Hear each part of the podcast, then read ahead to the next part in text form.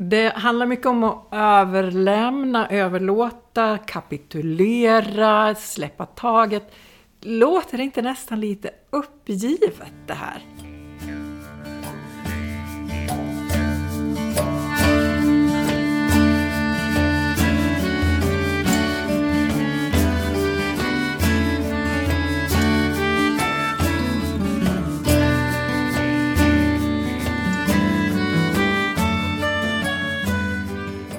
Lyssnar till Brobyggepodden, en podcast som pratar om existentiella frågor och mänskligt liv i vår tid med Per Westblom och Lena Bergström. Och vi pratar om 12 steg och klimatet. Förra gången, Per, då handlade det ganska mycket om Gud. Mm. Gud sådan vi uppfattar honom. Gud sådan vi uppfattar Gud. Eh, hur då menar du?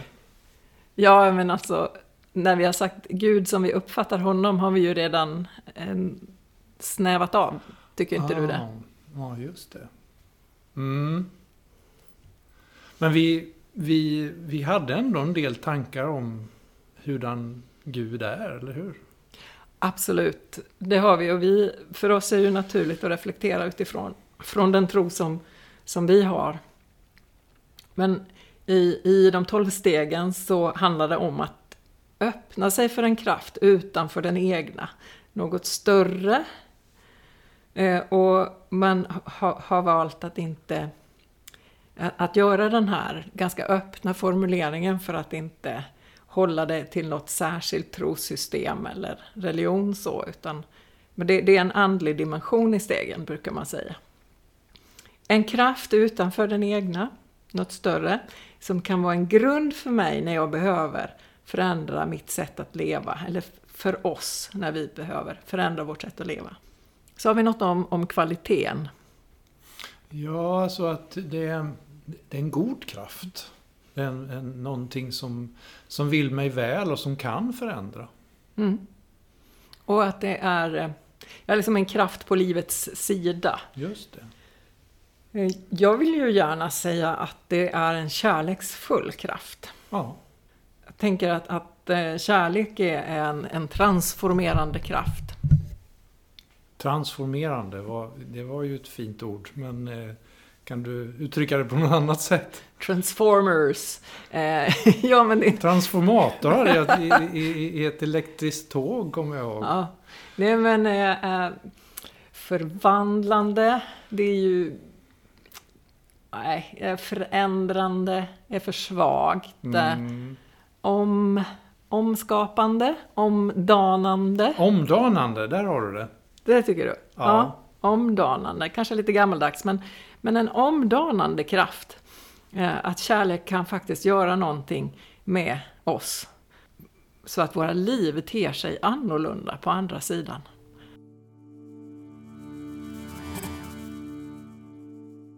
Ska vi, är det något du vill eh, plocka upp från steg två, eller förra programmet? Nej, jag tror inte det.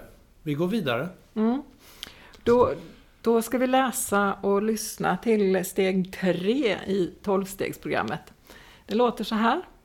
Vi beslöt att lägga vår vilja och våra liv i händerna på Gud sådan vi uppfattade Gud.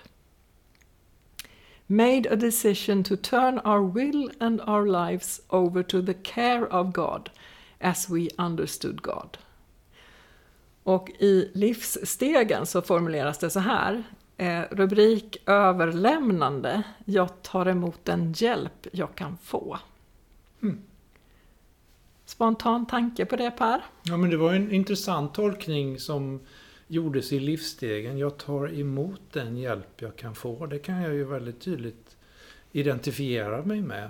För det är ett steg att, att, att liksom komma dit att jag dels känner att jag behöver men också att jag tar emot hjälp utifrån. Eh, och den hjälp som jag kan få och den hjälp som kommer hjälpa mig.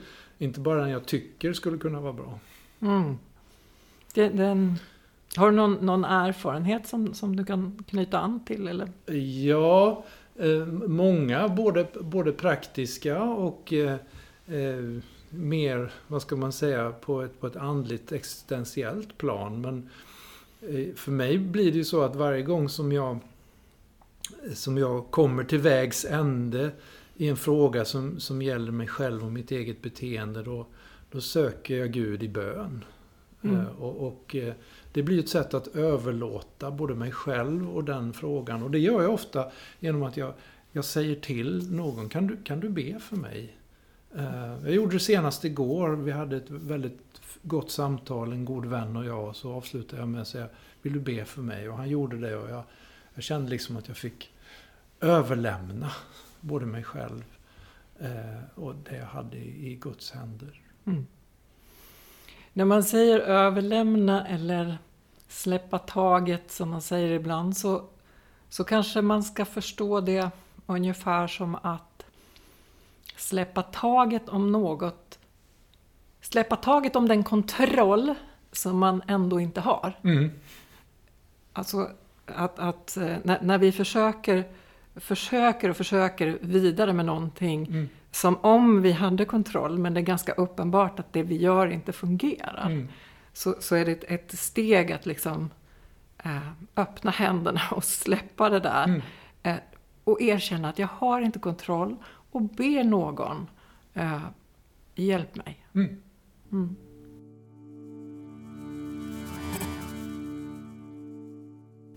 Jag tror vi behöver prata lite om det där med Gud, som jag uppfattar Gud, gudsbilden. Mm. Ehm, och, och jag, jag, kan tänka mig att för många så är det bara det att man säger Gud. Mm. Liksom, I vårt väldigt sekular, sekulariserade eh, sammanhang så, så räcker det för att provocera. Mm. Eh, kommer du ihåg hur Luther eh, definierade vad som är en gud? Alltså jag vill minnas att det är någonting av någon jag väntar mig, eller något kanske jag väntar mig allt gott ifrån. Mm. Det är väl ungefär det jag minns. Mm. Du, jag ska läsa för dig en, en så, mening som, som um, tillskrivs Luther, eller det kommer från katekesen tror jag. Mm. En gud kallas det som man väntar sig allt gott av och som man i all nöd tar sin tillflykt till. Det varvid du fäster ditt hjärta och varpå du förlitar dig är, säger jag, i verkligheten din Gud. Oj! Då, då har ju alla människor en gud, eller flera kanske till och med utifrån den definitionen. Alltså den man vänder sig till i sin nöd, det var vid man fäster sitt hjärta och varpå du förlitar dig. Ja. Det citatet öppnar, tänker jag. ja, det gör det. Vem vänder du dig till? Vem vänder vi oss till? Var, var har vi fäst vårt hjärta, liksom? Men det utmanar också mig som, som Guds troende att, att fråga mig, vem är, min, vem är min Gud på riktigt? Mm. Mm. För det kan ju vara allt möjligt som jag fäster mitt hjärta vid. Eh, både saker och människor och som jag förväntar mig det goda av. Mm. Men är det, det den Gud som jag säger att jag tillber?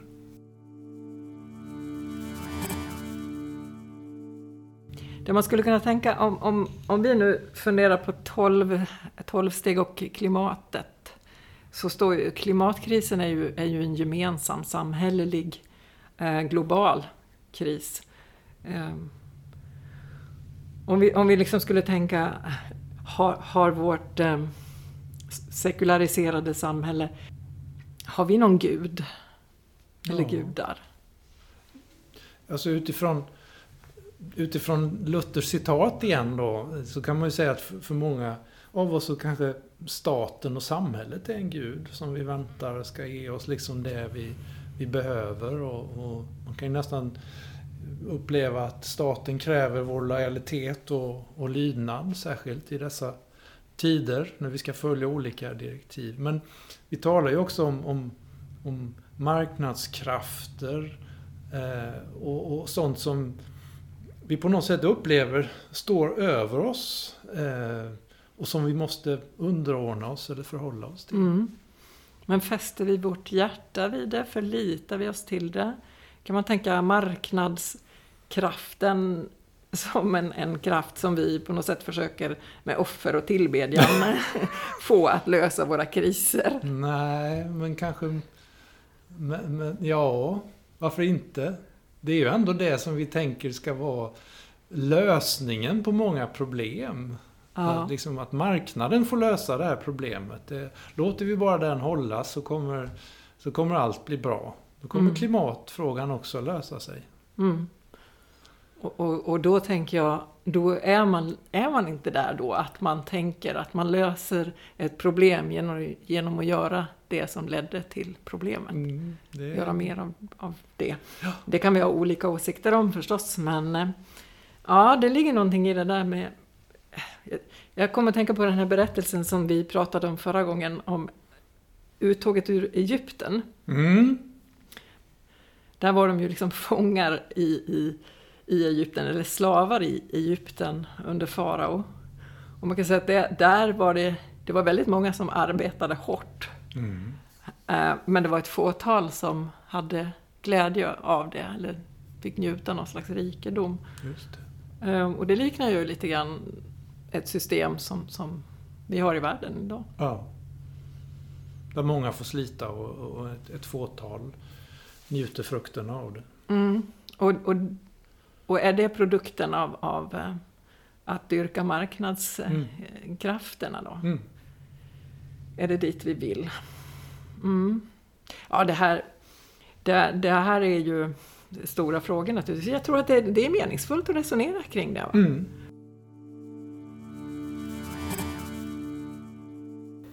Vi skulle ju behöva orientera oss i en annan riktning, tänk, tänker jag. Och det, det har det här med vad man fäster sitt hjärta vid. Alltså det, det jag ser, det jag håller högt, det jag eh, tycker är hög status, det som är, det jag sätter mycket värde på. Liksom det, dit kommer jag sträva att gå. Och om vi sätter högt värde på att vara rika och så vidare, så vänder vi oss liksom dit Mm. och, och Mm. Och går ditåt hela tiden. Vi behöver orientera oss och, och värdesätta någonting annat. Mm. Kanske, det där är en tanke som jag har, så den kanske jag har, har sagt förr, jag vet inte. Men det, mm, det funkar inte det här, det här vi har.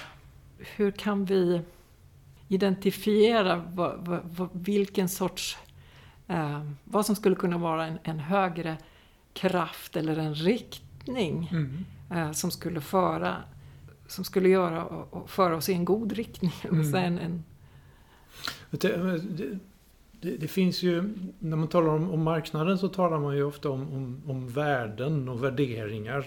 Och då, då blir det värdefullt som så att säga kan generera ekonomisk vinst. Men, men värden är ju egentligen någonting mycket djupare, eller det finns helt andra värden.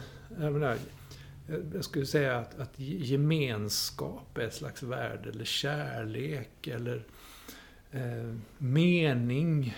Alltså, den typen av värden blir ju också en slags högre kraft på ett sätt som kan just skapa riktning. Om, om gemenskap till exempel är ett viktigt värde för mig i mitt liv, då kommer jag att prioritera annorlunda än om ekonomisk vinning är det. Så jag tänker att sådana såna värden är eh, viktigt att reflektera över. Vad är det som är värdefullt för mig? Och hur, Mm. hur riktar det mitt liv? mm.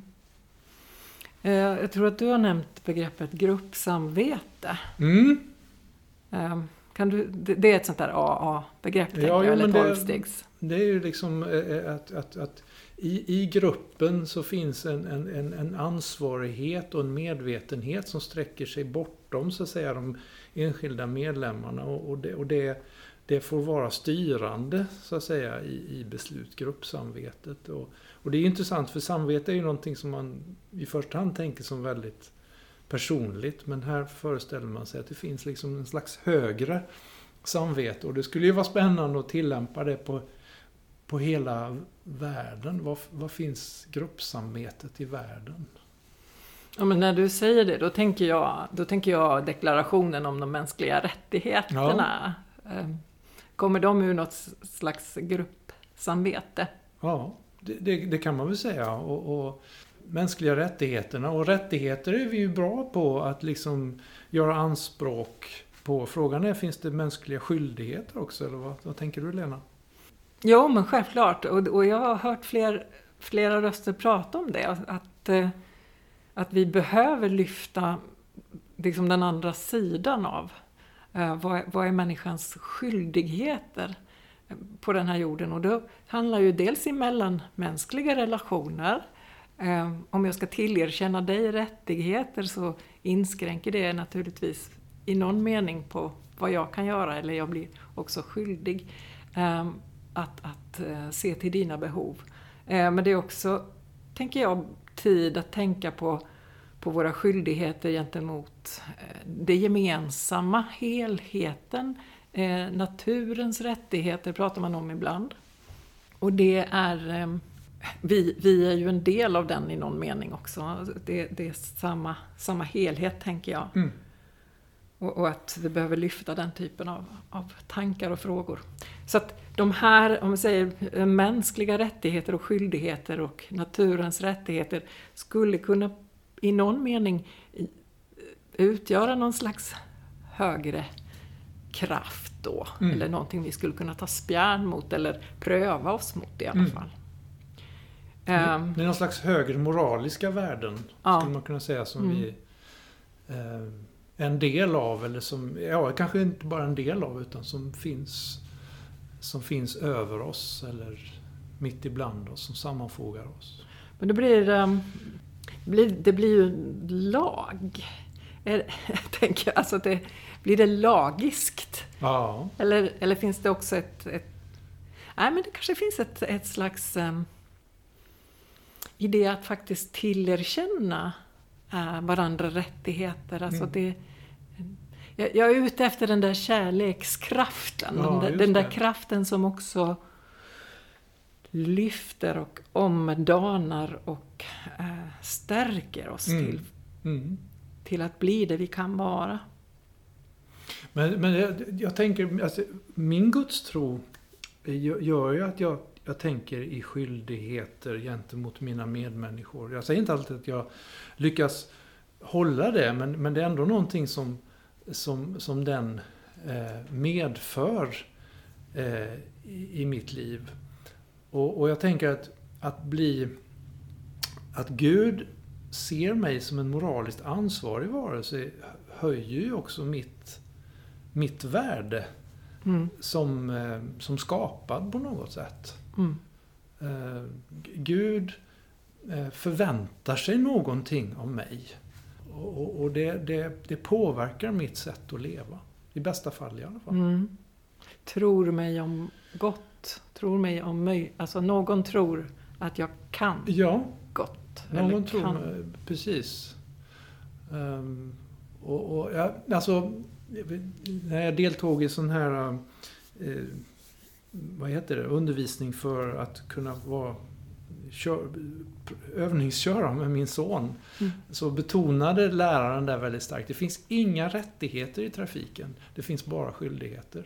Mm. Alltså, det, det, man har inte förkörsrätt, men den andra har skyldighet att lämna företräde. Och, och och det, och det slog mig då att det där är ett sätt att tänka som i grunden är väldigt liksom världstillvänt på något sätt. Eller vad ska jag säga? Människotillvänt. Att, att, tänka så om varandra skapar en helt annan gemenskap än att jag har rättigheter. Mm. Mm. Jag ska tänka på den andra. Mm.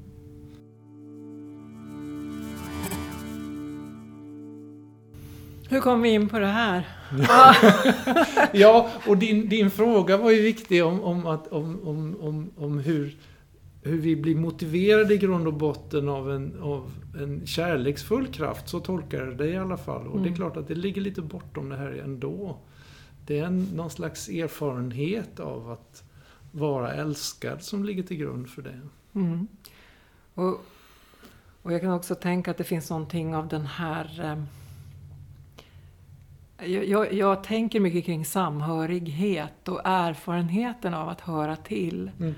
Eh, jag tror att den, när vi, när vi uppfattar att vi inte hör till, mm. då blir vi gärna, då, då slåss vi gärna på olika sätt för, mm. att, för att få höra till. Mm.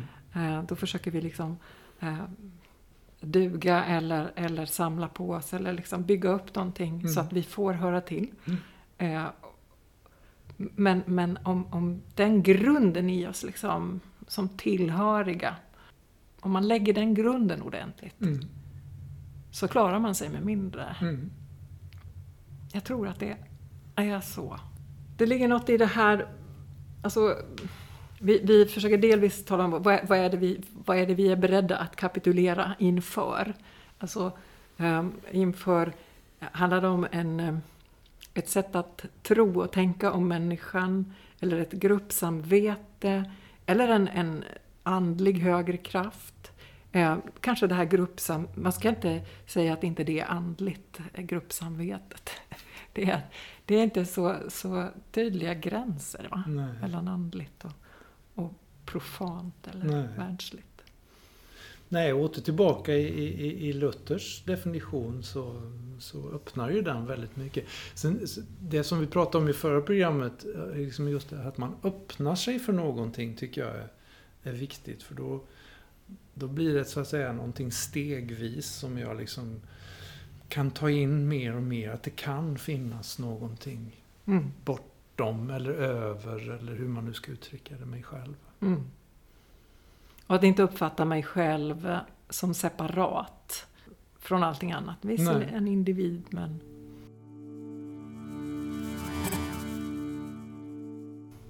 Alltså det här ordet kapitulation, eh, det förekommer en del i tolvstegs, just i det här steget, att det Mm. handlar om, om, om kapitulation, surrender, sweet surrender, det är sånt där Mm. väckelseuttryck.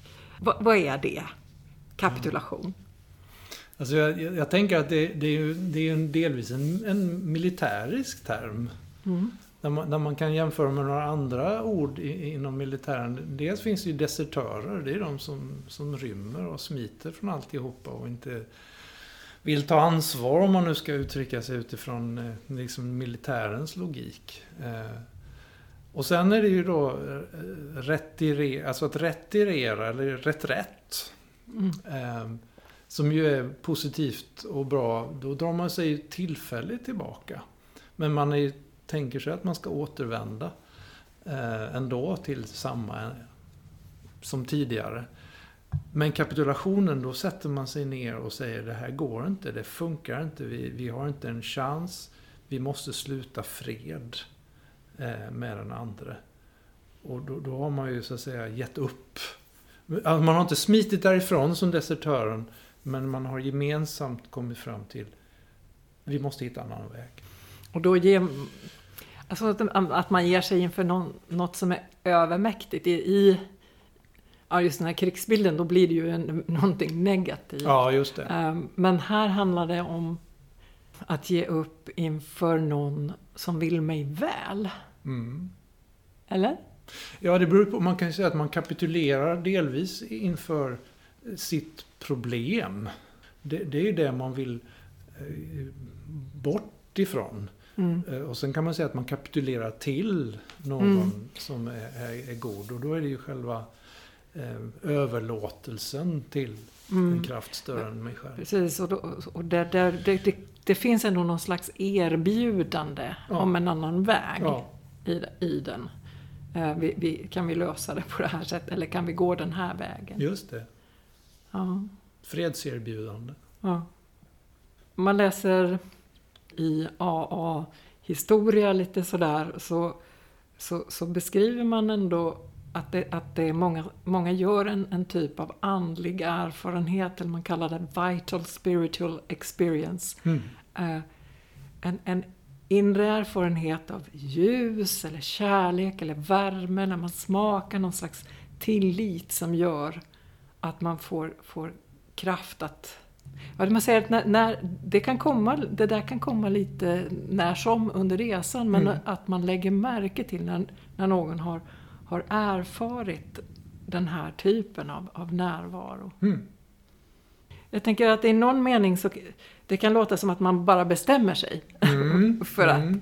Eh, Men i någon mening så är det här också någonting som mera händer oss. Mm. Någonting som, som blir oss givet. Just just den här typen av sweet surrender som Precis. man talar om. Alltså ett- en god, god kapitulation. En kapitulation inför någon, någonting välvilligt.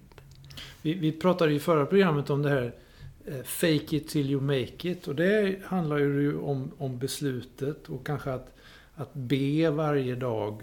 Och det, då kan det ju vara lite mekaniskt nästan. Men, men make it indikerar ju just att, att det plötsligt händer någonting. Att jag, jag känner att jag i bönen möter någon Mm. eh, och, och, och blir sedd, Mm. accepterad, älskad.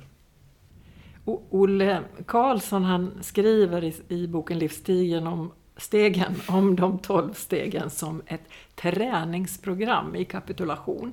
I att överlämna oss till vår högre kraft. Och då säger han vad som behövs är ett, en kris för egot och för det andra disciplin, rutiner och goda vanor. Mm. Och, och att gruppen hjälper oss med, med detta då. Mm. Det är en, ett övningsprogram då. Och hör jag honom säga att kapitulation är liksom inte bara en gång för alla utan det är också en, en, en process som Mm. jag måste liksom fortsätta att öva mig i. Mm. Det, han, han skriver att, att ehm, vi behöver ett ehm, vi behöver ett ego, men vi behöver ett mjukare ego. Mm. Ego-reducering. Mm. Ehm, säg något om egot. Nej men alltså ego är ju en, en det är ju la- latin för jaget. Och, och det är ju ingen som skulle säga, tror jag, att vi, vi, ska, vi ska inte ha något jag, utan jag-känslan är ju jätteviktig. Att, att jag är en person. Eh, Men risken med jaget, åtminstone med mitt jag, är att, att det vill ta all, all plats. Det vill Mm. inte bara hitta en plats, utan det, det, mitt jag vill breda ut sig och då blir det ju egoism. Eh, och och eh, då, då tycker jag att hans uttryck där, en mjukare ego och egoreducering blir väldigt spännande. Inte reducering ner till noll utan liksom den Mm. rimliga platsen för, Mm. för mig. Mm. För människan kanske. Man För kan- människan, ja. Jag, jag tänker på den här... eh, Jag tänker på att vi, vi har den här utvecklingen som människor. Att, att eh, när vi föds är vi, är vi i någon mening hela tillvaron. Alltså vi vet ing- inget annat än att vi finns, så att Nej. säga. Och att, att ett barn som, som växer upp eh, behöver verkligen eh, liksom bråka och ta plats för att, för att det här, upptäcka det här jaget. Var börjar jag? Var slutar Mm. jag? Vem, vem är jag? Och, och det har liksom sin tid. Men den mogna människan kan sen liksom släppa det där Mm. eh, egot då, eller bråkiga jaget Ja, och, och öva sig i att ge plats för andra. Men man kanske kan tänka om, om det samhälle som bygger mycket på, på konsumtion till exempel, att vi, vi får inte så mycket stöd i, i den här egoreduceringen utan vi fortsätter att liksom, "Ja, men jag vill ha, jag vill ha. Mm, Och det, mm. det, det har på något sätt varit bra Ja, att vi, att vi köper mycket, att vi vill ha mycket. Så får vi liksom inte hjälp att, att avstå för någon annans skull. Eller... Nej.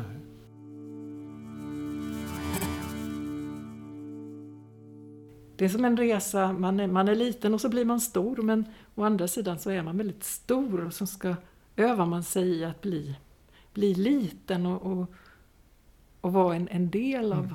av det hela. Det här, det här som du sa, avstå. Eh, det, det är ju en form av kapitulation också. Nu avstår jag från, från det här ägandet eller att, att göra anspråk på och, och träder tillbaka. Så, så avståendet kan ju mycket väl vara en, en aspekt av det här Mm. området. Ja, och jag, jag, jag vill ändå liksom fundera på det där att eh, på oss som, det ska man ju tänka på oss som, eh, som olika stater och samhällen, vi som bor i ett land eh, som verkligen har kunnat ta för sig och, och, och Mm. bygga upp och ha mycket. Är det, är det dags liksom är det dags för oss att, att reducera vårt ego, att, att mjuka på kanterna och Det nationella egot. ja, Ja. För nu ser vi ju en tendens där man kanske snarare bygger upp nationella egon. Men, mm. men liksom var, var, fäster vi vårt hjärta? Mm. Och så länge vi liksom dyrkar det här med, med liksom status och mycket och det är fint, då vill alla det. Mm. Men om vi, om vi får upp ögonen för det gemensamma, för hela skapelsen som, som, som någonting gemensamt, en, en livsmiljö vi delar. Och värdesätter det. Ja, kan man, kan man bestämma, kan man kapitulera tillsammans? Det kan man ju, det har ju människor gjort. Men det, det är väl precis som Olle Karlsson skrev att det förutsätter en kris. Mm. Eh, och, och, eh, det är klart att eh, just den typen av, av, kollektiva kriser har ju ibland lett till besinning och, och, och kapitulation. Eller återigen i krig är det ju, men det är ju en ganska negativ kapitulation. Mm.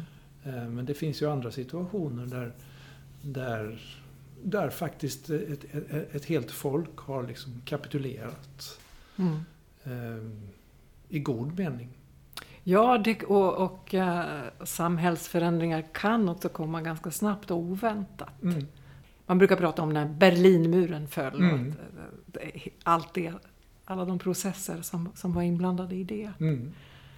Um, och det kan vara både positivt och negativt. Men det, det, finns, uh, det finns kollektiva processer som, som kan leda till förändring också. Uh, jag kan behöva påminna mig om det uh, för mitt, för mitt hopps skull. Mm. Det finns en, en berättelse som jag har tänkt lite på i samband med det här. Och det är en, en bibelberättelse i Lukas evangeliets femtonde kapitel. Mm. Den brukar kallas den förlorade sonen. Ja, just det. Kan du säga något om ja, det? Men det, är, det är en av Jesu många liknelser. Eh, och det var ju ett väldigt karaktäristiskt sätt för Jesus att, att eh, undervisa, eller kanske snarare att, att göra intryck. Och varje liknelse handlar om Guds rike. Alltså en aspekt av Guds rike. Ett annat sätt att leva, en annan värld skulle man till och med kunna säga.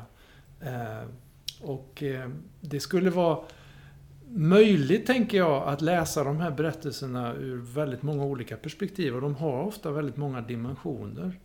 Så även om man inte tror på Gud i traditionell mening så tror jag att de här liknelserna, inte minst den om den förlorade sonen, är djupt meningsfulla.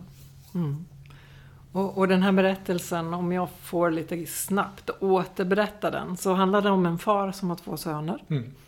Och den yngre sonen, han får för sig att han vill ha ut sitt arv i förskott. Eh, för han vill, han vill ut och äventyra. Uh, och att han säger då, kan jag få mitt arv? Eh, vilket det är ju... en slags dödförklaring eller av pappan? Ja, det är väldigt oförskämt. Förnamnet. Eh, kan jag få, kan jag få det jag har rätt till? Mm. Och så, och så går, eh, går han iväg. Så att säga. Han får, pappan är så generös, obegripligt. Och så ger han sig iväg. Eh, och så kan vi väl föreställa oss vad han gör, gör då. Han lever i typ sus och dus, skulle mm. man sagt. Livets glada dagar. Mm. Eh, och det är ju, så länge han har mycket pengar, eh, så samlas människor runt honom. Men så kommer en svår hungersnöd i landet. Och eh, det drabbar också honom då. Eh, och eh, då har han varken vänner eller pengar längre. Och han hamnar i situationen att han vaktar svin. Mm. Och han får inte ens äta av svinens mat.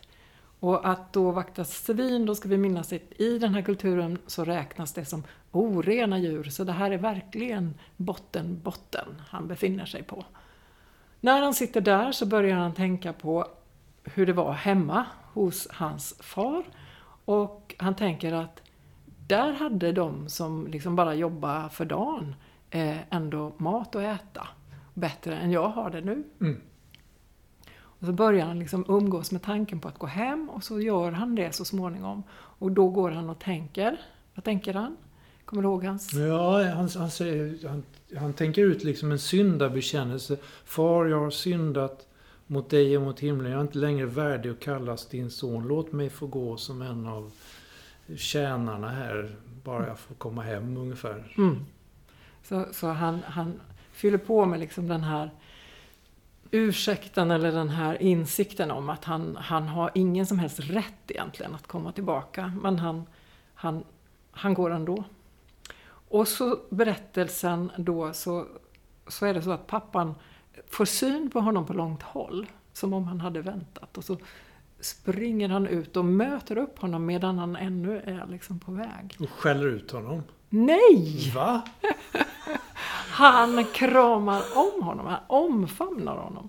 Eh, och eh, så, och, och, och, han, han bryr sig inte särskilt mycket om den här syndabekännelsen. Nej. Utan istället så ropar han på sina tjänare som då får komma med eh, ny, nya kläder, nya skor och eh, en, ring. Sätter en ring på hans hand. Mm. Och, och det handlar ju om att han får sin eh, sin värdighet som son tillbaka. Precis det han trodde att han hade förlorat då. Mm. Ja. Den här berättelsen handlar kanske om, om de här tre första stegen i någon mening. Mm. Och föregriper det fjärde skulle man kunna säga. Mm. Med den här eh, listan han gör på sina försyndelser. Ja, just det. Det är nästa program. Men, men eh, ja, vad... Eh, man kan tänka lite så här kanske att eh, när, han, när han sitter där och kommer till insikt Mm. eh, så är det ju något av den här maktlösheten man upplever i, Ja. i det första steget. Att, nu är det verkligen på botten. Ja. Och kanske, kanske kan man kalla steg två det här att man börjar öppna upp och så tänker jag jag, jag ku- skulle kunna gå hem. Eh, Det skulle kunna vända tillbaka hem. Och sen är, är steg tre att han faktiskt gör det, att han faktiskt är beredd att ta emot det som möter honom när han vänder sig hemåt. Då. Och det är ju, det är ju, han, han tänker ju inte alls i termer av rättigheter. De har han ju avsagt sig Mm. helt och hållet. Utan han, han, är, han är inte beredd att återvända eh, till eh, hur det var förr. Utan han, han tänker sig en mycket eh, liksom, lägre situation eh, Mm. än, än vad han har varit i tidigare. Bara jag ändå får finnas där är liksom hans, Mm. hans... Så han har ju en ganska han har en ganska begränsad vision av vad som ska möta honom. Mm. Om, om man tänker, om, om, om vi leker med den här berättelsen och tänker att den handlar om ett västerländskt samhälle som... Efter, 19, efter världskriget Ja. skulle man kunna säga. Sus och dus. Ja, liksom. just det. Ja, Ja, gör sig av med Gud för att vi har det bra ändå. Och, ja, nej, men någonstans. Och så kommer krisen. ja. Ah, vad har vi gjort Mm. liksom? Mm. Och, och, eh, och då kommer liksom tankarna på, på någonting som har varit. Mm. Var det bättre förr? Ehm, och vad var det i så fall som var bra? Ja. Och vad skulle, vi, vad, vad skulle vi kunna återvända till? Ja, det, och det är alltid, alltså att återvända är ju på något sätt motsatsen till allt vad vår kultur säger. Man, vi kan inte gå tillbaka. Vi måste alltid gå framåt. Mm. Så, så bara den tanken att man ska så att säga vända om är ju, Mm. är ju så att säga o- oerhört problematisk. Det finns ju ett ord där som jag tycker är så betydelsefullt när han sitter där bland grisarna. Eh, Och det är besinning. Han kom till besinning. Mm. Eh, och och eh, det, det, det är ju någonting som både enskilda och, och hela världen behöver på något sätt komma fram till. Mm. Ja, sinnesändring. Mm. Just det. Och som, som också skapar ett annat beteende. Mm. Byta mindset. Ja. Men jag tänker att, att eh, det är många idag som, som alltså man har det känns väldigt trångt på något sätt att tänka sig gå, gå tillbaka och så Mm. tänker man, och ska ju ha religion någonting med det där att göra? Mm. Och så ser man Mm. liksom att man ska gå och slava på religionens bakgård på något sätt. Jag vet inte. Tillbaka till statskyrkan. Ja, och det vore ju det bästa scenariot, eller på att säga. Nej, men det är inte det värsta scenariot kanske man kan tänka. Men, men, men det finns ju en, en enorm poäng i den här berättelsen som, som, som visar att, eh, att, det finns, att det händer någonting oväntat i den här resan hem. Just det. Eh, att, att den hjälp han förväntar sig att få, det, ny, det, det, det nya liv han, han går till, liksom helt överträffar. Han behöver inte avstå från, från den han, han är. Han, han kan fortfarande vara människa, eh, son. Mm. Och jag, jag tänker mig till och med att han kommer tillbaka, inte till det gamla, inte ens det gamla som son, utan det, det, det är en ny relation Mm. på gården som, som han har fått genom den här erfarenheten Mm. av att återvända. Han har kommit närmare eh, pappan på något sätt. Mm. Så, så det, är- det är bättre än tidigare. Det är bättre än tidigare. Ja, nu är ju det här, det här är ju bara en berättelse. Men- Det är inget mindre än en berättelse. Nej, men, men, men det är en gammal berättelse som också samlar mycket erfarenhet Mm. i sig. Och, och det här att, att, att våga förändring och, och inte riktigt veta vad man går till, Mm. men att det faktiskt kan, kan bo en, en förändring som, som överträffar Mm. eh, våra förväntningar. Och Jag tror ju om oss människor att vi i någon mening är mer än vi har blivit. Att vi Mm. har en, en potential när, när kärleken gör sitt jobb med oss. Mm. ehm, så har vi en potential som vi ännu inte har prövat i- fullt ut. Och det är det som jag upplever Jesus talar om när han talar om Guds rike. Mm. Vi, vi rör oss ju i, i, i ganska, med ganska stora tankar. Men, men det, det vore det, det att, att, att, att, att få att en kollektiv tro på en sådan vision. Det är ju den stora utmaningen. Att det finns, det finns någonting gott eh, att nå upp till genom att kapitulera från den Mm. situation vi nu är i. Fastän vi inte tror. Vi, vi vet vad vi har men vi vet inte vad vi kommer få. Och det är det som är liksom Mm, det svåra många gånger i förändringsarbete. mm, Det kanske blir bra, men jag vet inte riktigt. nej. Och, och då kan vi, kan vi liksom ta fasta på det, de erfarenheter vi har gjort gemensamt som, som, som leder åt ett, ett liksom gott håll. Mm. Eh, Kan vi ha förtroende för, för människor som har gått före? Mm. Eh, Det finns ju eh, en berättelse om, om Franciscus igen då, Mm. helgonet, eh, på 1200-talet som, som i en eh, lite nyrik eh, italiensk eh, region, eh, han, han är son till en köpman.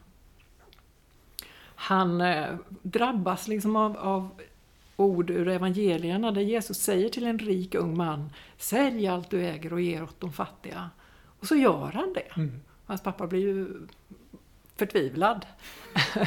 Eh, och och eh, det bara stärker liksom det här beslutet att, att lämna allt och leva som fattig. Och, och, och han får, massa människor följer honom. Eh, Mm. Därför att de- ser någonting, någon kvalitet i det han har funnit, liksom, i det liv han Ja, lever.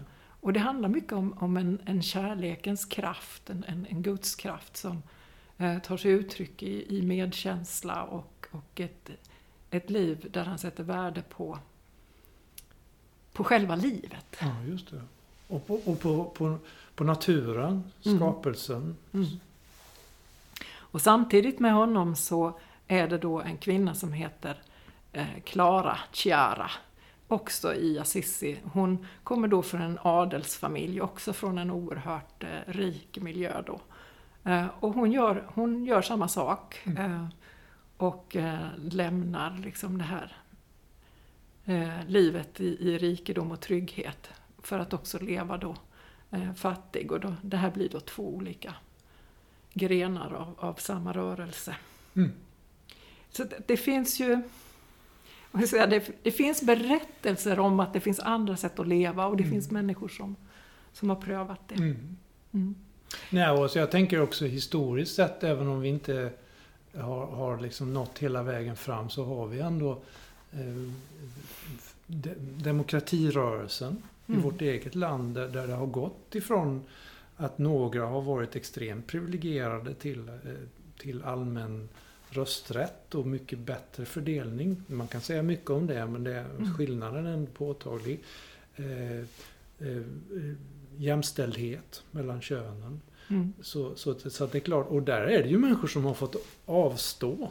Mm. Eh, självklart orimliga privilegier, privilegier men de har, de Mm. har gjort det. Och, och jag tror att ingen önskar sig tillbaka till det gamla. Nej. Det finns en väg att gå. eh, Det finns steg att ta. Om man nu skulle på något sätt wrap it up här nu, liksom eh, steg tre.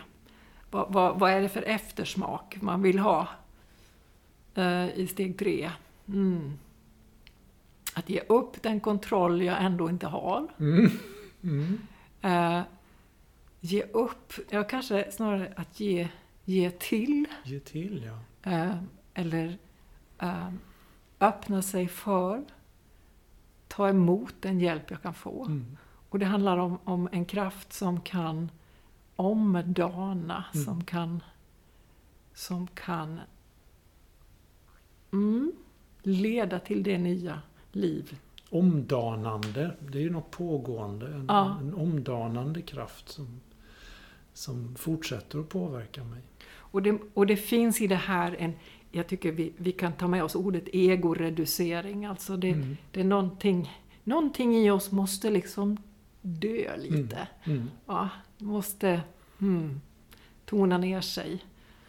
Eh, men inte för att försvinna utan för att få... Jag tänker att, att man får... Man får eh, mitt jag hamnar i, i centrum av mig själv. Mm. Inte i centrum av min uppmärksamhet utan i den djupaste punkten där jag tänker att det är också där jag är, Mm. hör samman med, med allt och med, med Gud. Alltså, vi, vi, vi talar ju om, om, om Gud som den vi kapitulerar eh, inför, eller eh, den som så att säga vi överlåter oss till. Och samtidigt så kan ju inte jag som kristen låta bli att tänka på att Gud själv på något sätt har kapitulerat när han blir människa. Eh, det, det finns ett, eh, ett ställe i, i, i- i Bibeln där det beskrivs som att han avstod från allt eller till och med tömde sig för vår skull. Så, så, vi, så Gud själv är ju en förebild egentligen för, för det här steget. Att han, Mm. förlåt, Gud Mm. avstår för Mm. vår skull, ger upp. Eh, och det blir en utmaning för mig att också avstå, ge upp. Att förlusten kan leda till liv, tror jag är en viktig erfarenhet. Just det. Och att livet kan behöva våra förluster. Ja, just det. Så det här är ett steg som utmanar oss. Eh, men jag tänker till dig som, som lyssnar och som vill fundera vidare att, att ja, men både formulera, tänka kring, fortsätta tänka kring en var, var fäster du ditt hjärta vid? Vad förlitar du dig på? Och vad tycker du om, om vårt samhälle? Och finns det, finns det vägar att gå och kan vi söka någonting, kan vi söka någonting tillsammans?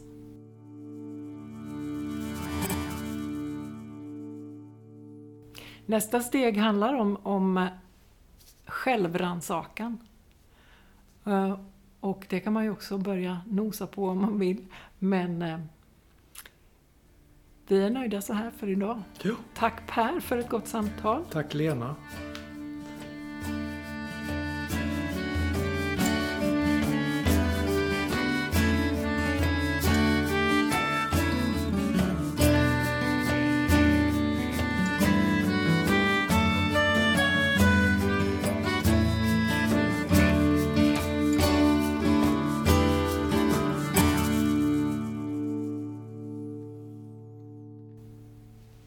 Lyssnat till Brobyggepodden som spelas in på Bromma folkhögskola.